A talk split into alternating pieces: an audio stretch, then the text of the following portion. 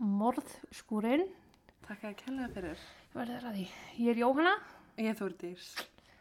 og við ætlum bara að vinda okkur beint í þetta. Ég held það. Við erum í Breitlandi í þetta skipti og við erum í Tamworth og ég ætla að segja þér frá henni Heather Tell. Ok.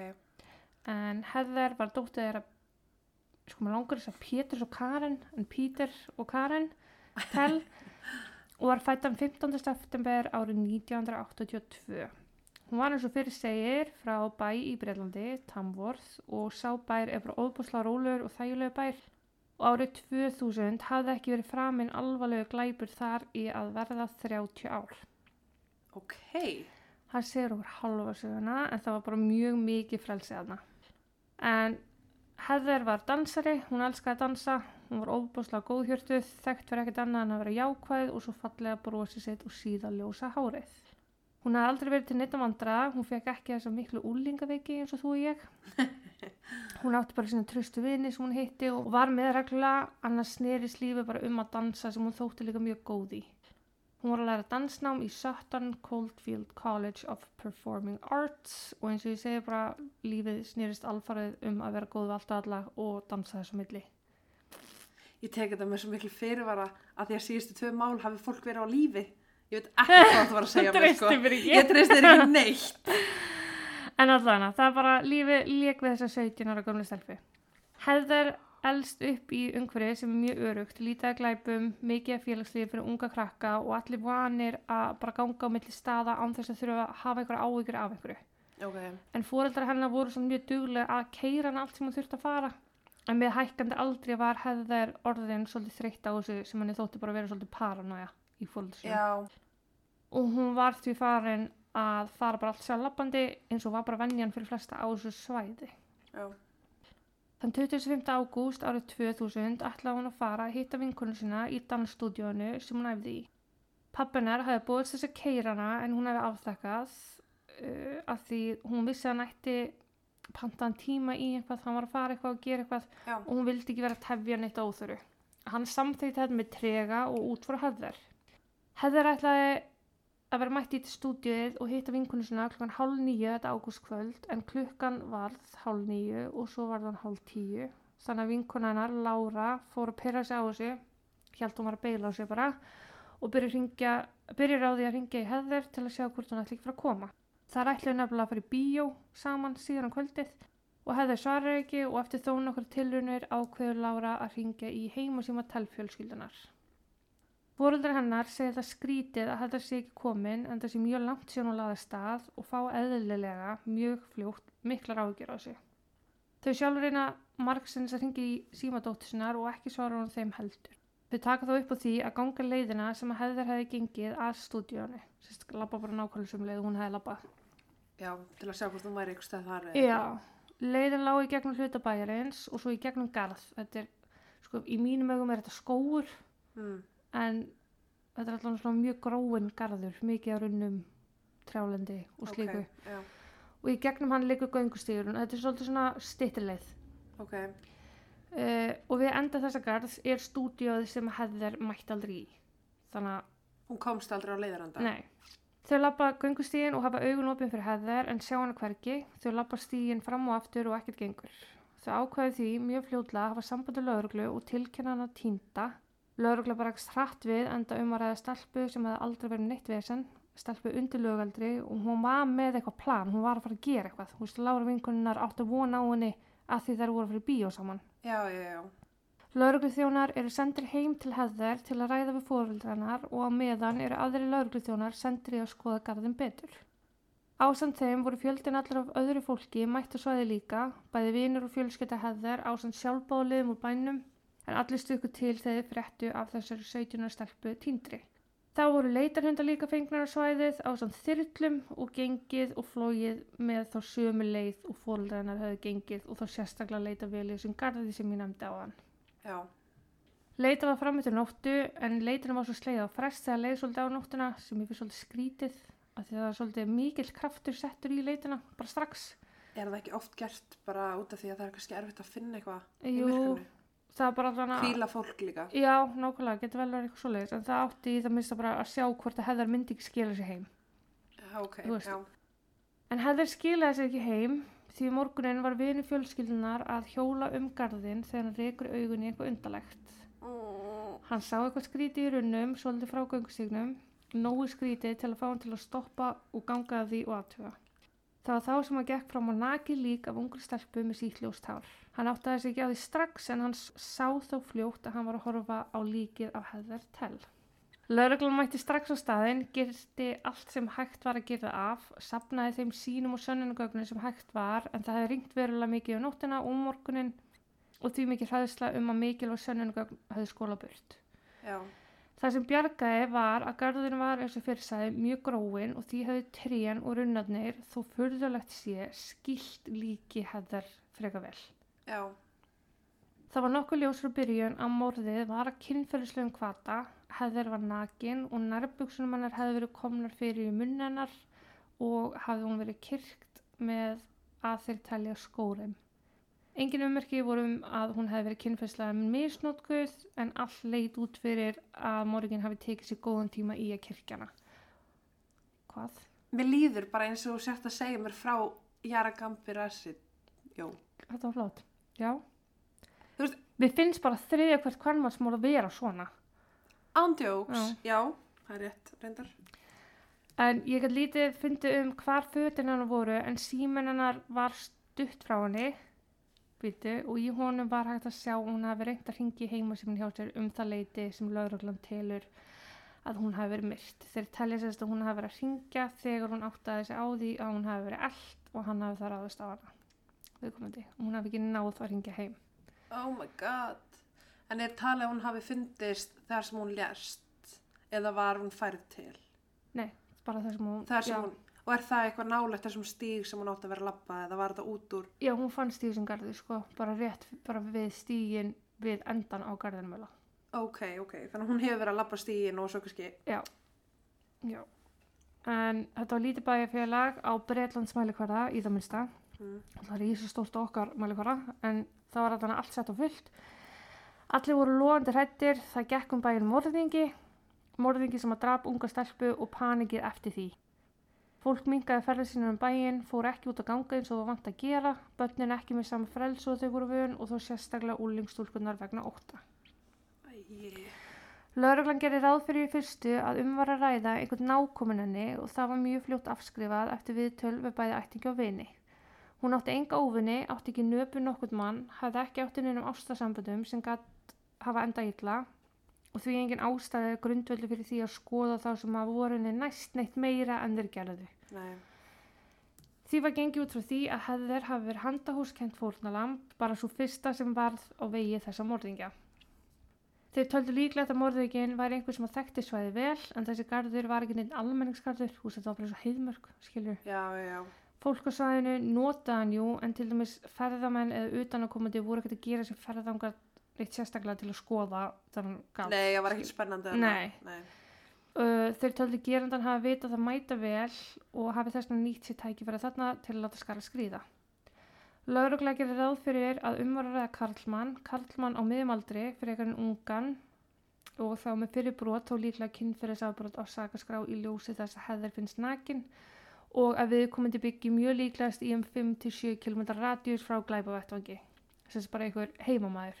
já, já, já, Því voru menn með einhvað sakaskrá, skoðaðir 50 flassarar, en skilju það voru 50 flassara mál á borðið lauruglunar síðustu 14 mánuðina fyrir morðið. Hvað er að fó, af Ég- hverju ég hefur skil- þörf á sína ég, tippið? ég veit það ekki. Oh my god. Og allir sem voru eitthvað viðkomni því voru skoðaðir, en það leiti ekki til neitt um vísbendinga og því greip lauruglþjóðnin sem fóð með rannsókn málsins til örð, örð þrifar ráða. Hann skrifaði pistilblad þar sem hann byðlaði til almennings að koma fram ef einhver vissi einhvað. Ef einhver var vittni af hefðir lappingarðin og hvort einhver hefði séð einhvern grunnsalan á kreiki á svipuðum slóðum eða um svipaleiti. Mm. Hann var mjög skýr að um var að ræða hættulega mann og það þyrfti að ná að handsa mann sem allra, allra fyrst. Þetta skilaði sér að sjálfsögðu í enn meiri ræðslu í samfélaginu og ekki mörgum ábendingum eða vittnum.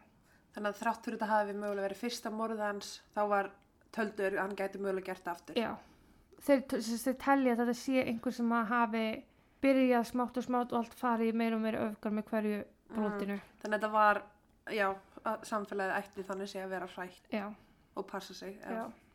Heather var svo jörðuð og mætti rúmlega 2000 manns í og fyrir utan kirkina til að votta samú sína og sína stuðning. Eftir jarðaföruna heldur íbúar Tamworth að vera loðandi hrettir við framhaldið, allir á tánum býðandi eftir að morðingin fara aftur að stað. Lauruglan held áfram að auglýsa í blöðum, fara við sín og víspenningar.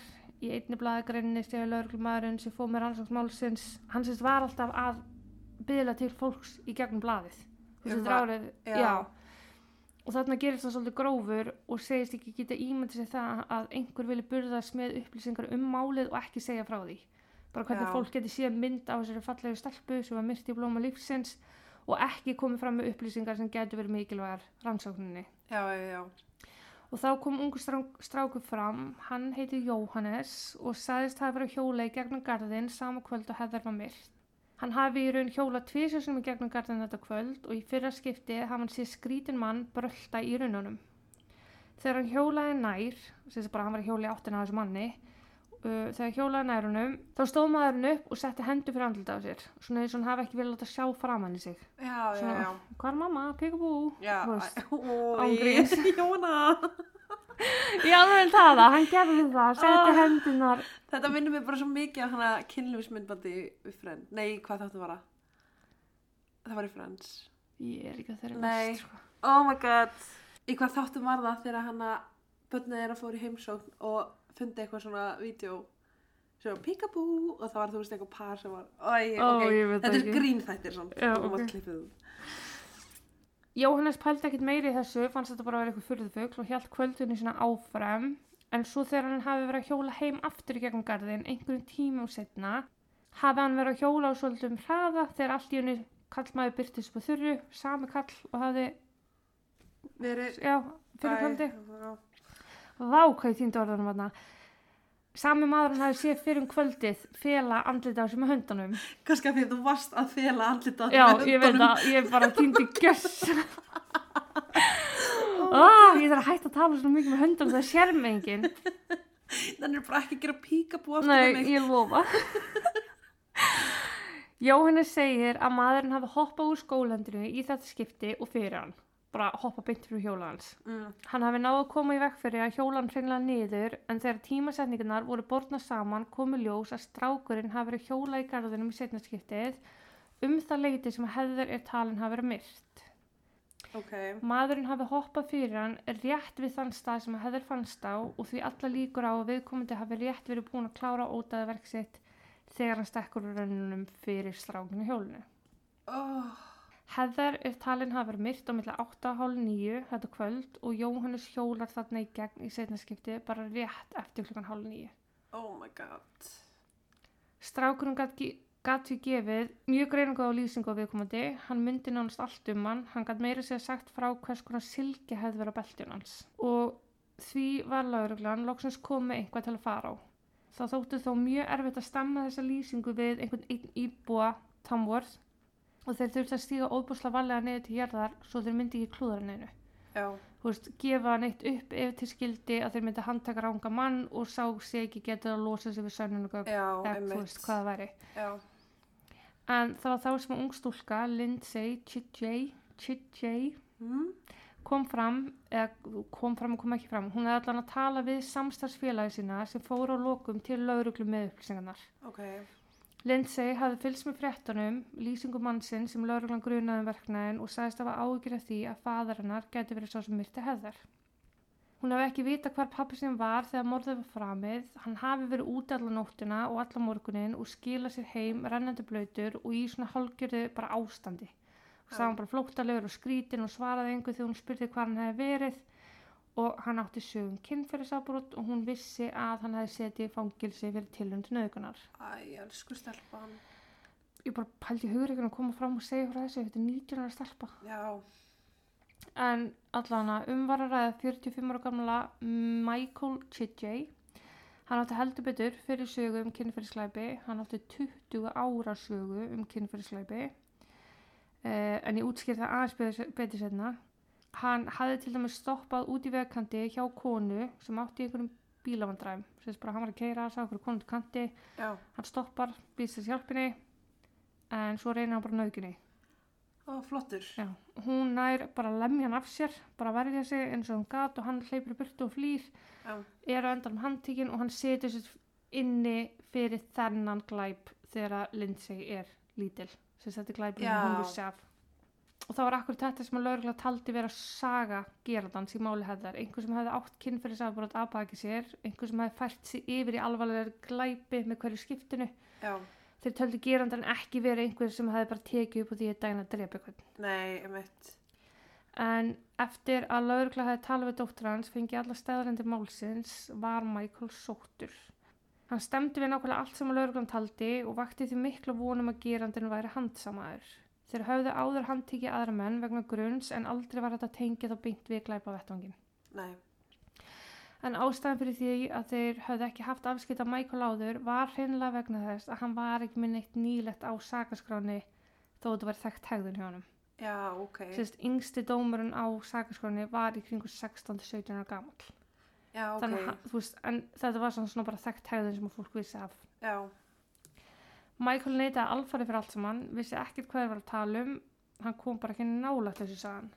Bara ekki til í myndina hann hafði einhverjum mála að gera, því var tekið munnvatt síni hjá honum, en þarna var DNA-tæknin svona freka nýtt fyrir bari og þeir voru ekki einu sinni með neitt DNA til að bera það saman við frá glæpavettvagnum. Nei. allt tók svakalega langan tíma af því allt DNA tengt bara tók mjög langan tíma það gerðist bara alls ekki hvers bambúm neitt og því var Michael sleft en fylgst skrant með honum og farið var í að reyna að ná sínum að fatnaði hefðir til að bera saman með hans DNA sko þarna virkar DNA ekki þú veist þetta er DNA og þetta er DNA -ið þitt það er búið til einhver DNA profile og hann Já. stemmir við nánast allt hans skilur, Já. eða nánast allt þitt eða mitt eða hvað það er skilur það er ekki hægt að segja fyrir þú veist 99,9 pluss líkur að þetta Nei. sé samsörun en allavega þeir voru skítrættur um að hafa ekkert upp úr þessu vegna hversu mikið hefur ringt þegar hefur fannst en til allra hamingju var hægt að ná af nærbuxum lífsínum eða nær fötum lífsínum ásamt því að tæknidildin voru með alls konar síni sem hefur verið tekin af heðler sjálfur líka Já. þeir báru bara sínið úr Michael við allt sem þeir höfðu og á lokum þá kom upp samsörun á brjóstaldra Ok. um, þar með voru þeir búin að tengja Michael upp morðið á heðver Michael var handtekinn fyrir morðið. Sama dag og niðurstöðum kom í ljós vegna ótta um að hann myndi taka skarað aftur. En það var áður svona spurning hjá þeim hvort er þetta að reyna að finna fleiri sannanir gegnunum og láta hann aðeins sjalla. Já, hvort þetta væri nóg. Já, en það var bara, herru nei, við tökum enga hann er bara handtekinn núna. Létturinn í samfélinu var í kjölfarið gríðalur, loksis var gerandinn handtekinn og fólki leið loksis örugt aftur í bænum sínum. En Michael var heldur betur með útskýringar á þessu öllu saman. Ástæðan fyrir því að hann hafði ekki skilað sér heim nóttina sem hefði var myrt var að því að hann var út að ganga allar nóttina. Hann hafði aldrei sér hefðir, hann hafði aldrei hitt hann áður og vissi ekkert hvað hann væri, nótabæni, þetta er þú veist, ekkert sérstaklega stórbær um, og þegar hann var spurður um hvernig stæði á því að lífsýni úr honum væri á nærfötum heðver var hann með einfalt svar. Það hlýti bara að vera út af því að hann hefði gaman að því að fara í undirfattaverslanir og fytla í kvalmasnærfötum. Heðver hafi bara keft nærföt sem að vildi svo til hann hefði fytlað í áður. Sko í fyrsta leið það er ógislegt að þú segir fytlað. Og það bara, hann er að fytla nærfötum, hvað er hann að káfa nærfötum? Í öðru leið, þetta er bara það heimskulegasta sem ég hef heyrt. Já, en veistu hvað er svona svo magnað? Lauruglan þarf að vera fagleg, þeir gáttu bara ekki hleyja þessu eins og þú og ég sko. Nei, ég þeir þurftu bara að, þú veist, afsanna þetta. Já, ég veit það. En ég minna, við höfum alveg séð það líka í málum að eitthvað mál sem ég hef tekið, man ekki hvað, Nei. það er sem að uh, DNA smitaðist á okkur hanska eða eitthvað sem voru síðan seldir sest, og DNA var að starfsmanni. Já. En það er líka sko til mörg, mörg mál sem að er alltaf DNA af einni konungstór Kína. Að það er að vinna ykkur að fata Já, ég- já. og framleyslu. Ég er að segja það. Já, Þa, það er nákvæmlega það er bara um. styrlu. En á sama tíma, þú veist, er maður ekki, þvær maður ekki nærbuksur og brjóstaldra eftir að maður kaupir. Jú, en sko þetta er, þú veist, að þetta er aðstæður sem geta og hafa komið upp, þá þurftir afsanna þetta með Já. því að fá alveg að reynt að nærfötin hafi ekki verið nýlega keft. Já, Og sko, þú veist, þau voru ekki nýlega keift en þið þurftu að fá einstakling frá nærfata verslunni til að koma og skoða brjóstahaldaran til þess að skera úr um hvort að það hafi verið nýr brjóstahaldari eða notaður uh, og hún var bara eitthvað, ok, þú veist þetta er notaður brjóstahaldari og þeir sögðu líka þú veist, það voru ykkur efnafræðingur annað sem að sem að segja bara að ef nærfötur þvegin margsinnis þá skemmir þvottarefni öll lífsýni bara þegar, þegar nærfötur voru þvegin í fyrsta skipti sko. Emitt. þannig að hérna, það var bara, þessu var bara hindut á borðinu en þetta þurfti er að, þú veist, þeir þurfti að fara með þetta fyrir dóm sko. Já, þú veist, hann getur borið hvað sem er fyrir sig. Já, og það þarf bara að bara- afsana. Já. En Jóhannes, strákurinn á hjólinu í garðunum, hann var líka vitni. Hann gætt sagt frá undarlegri hegðun Michaels kvöldi sem hefði var myrt, um Peekaboo. Oh. Og, og fyrir hefði hann bent á hann úr röð manna og búið kennsla á hann sem mannin sem hann sá í garðunum. Michael harð neitaði öllu alveg frá mjögðan döðan en þetta var fyrir eitthvað borð liggjandi í ljósi DNA sönnugagna, frásögn dótturinnar, frásögn nærfattabúðar manneskunar og að Jóhannes gat, veist, hvert er faglega heitið? Nærbuksnabúðar, bara ákvæslu. Nei, nei, þetta var þú sem meina það. Þetta var bara einhver representative store. Textilmælari eða eitthvað. Ég veist, ég veit ekki. Ég vil ekki svo reyna. nei, bara þú hlóst, sko. Ég veit það bara lengsta orðs á það sem ég hef heyrt. Ég er bara, ég veit ekki hvað ég kallar það. Allana, Jóhannes skal pikka uh, Mikael úr röð manna og bara kennslaðan og var Michael því dæmdur segur fyrir morðið á Heather Tell í árslók 2001. En það er samt smá vafi í þessu áður en hann var dæmdur af því að DNA vinslan á þessu tíma var ekki eins og nýri dag og rauk varnarinnar var svo að það væri 1 mútið 70 miljónum að þetta væri ekki hans DNA. Þetta væri ekki. Já Já. og það, vó, veist, það var bara óslega þungt sönnunagagn í málinu þú veist, það bjó bara til óbúslega mikil mafa Þannig að þú ert með 70 miljónir já og og hann er einn af þeim. já, nei, það er einn á móti 70 miljónum að þetta sé ekki hans DNA profíl Það er með mikið. Nei, sko, þú ert að hugsta öfugt Ok. já, Pottit, já. það eru, það eru, þú veist, mjög litla líkur að þetta sé ekki hans profíl Já, en, já, já, en já. vörnin vildi meina að það væri nógu miklu til að búa til vafa Já, já, já, já, já. Ok, ég fatt það. og kvitumið þurfti að taka þessu mjög alvarlega þannig að þið þurfti að taka þessu svolítið tíma í að mynda sér niðurstöðu og ákvörðin í þessu en þetta endaði því að það var 11 á móti einum sem það er 12 kvitum Já. Og Michael fekk viðandi dóm eða lífstíða fangilsi og hann far aldrei að sleppa að mér skilst vegna þess að hann sé hættulegur einstaklingur sem þarf viðandi aðstóð við vandamálu sínum og hann sé ógn við kvennmenn, sagði dómurinn hann að Mm, Já, að einhverju leiti. Já, það var ekki lengur hjá mér í dag. Nei, það sem að fólk getur lært af þessu er að við mælum ekki með því að fara og fytla Í brjóstahaldara. nærfötum, nei, ég bara, Þetta er svo absúrt vörn. Þú veist, ok, þetta er fucking genius. já, Ef við spáir í því, mhm, að bara reyna að bera þetta fyrir sig. Já. En á sama tíma er þetta það heimskulega. maður hristur hausin yfir þessu skilur en þetta er samt eitthvað sem maður tekur tíma. Þú Ég- veist, þetta fór bara eitthvað ferli í gang sem að tafði allt og það, þú veist, það líður eitt og hálft ár frá því að hefði verið myrt og þannig að hún er, nei, hann er hérna dæmdur, Já, og ég meina, þú veist, það gæti alveg verið að þeir gæti, hefðu ekki geta afsanað þetta. nákvæmlega. Þú veist, ef það, ef það vildi þannig til að hún hefði verið nýjum brústaldra þennan dag, þá hefði hann bara lappað. Uh, þú veist sem betur fyrir EDN að það fullkomið í dag skilur að það er hægt að gjössalega negla fólk með þessu skilur Já. en mér finnst þetta alveg og líka bara dóttir hans að bara koma fram þú veist að deila áhyggjur sínum með einhverjum Já. annars hefði hann ekkert fundist nei, einmitt. þú veist að því að þarna þurfti skilur að bera saman DNA-un DNA-un DNA-un til að til að fella hann skilur Já, einmitt. en Úf. Já Nú var ég allavega með morðmál ekki enda enginn lífi hér uh, Það er rétt. Var það eitthvað fleira? Það held ég ekki. Nei, þá bara segi ég takk fyrir mig Takk og bless Takk og bless.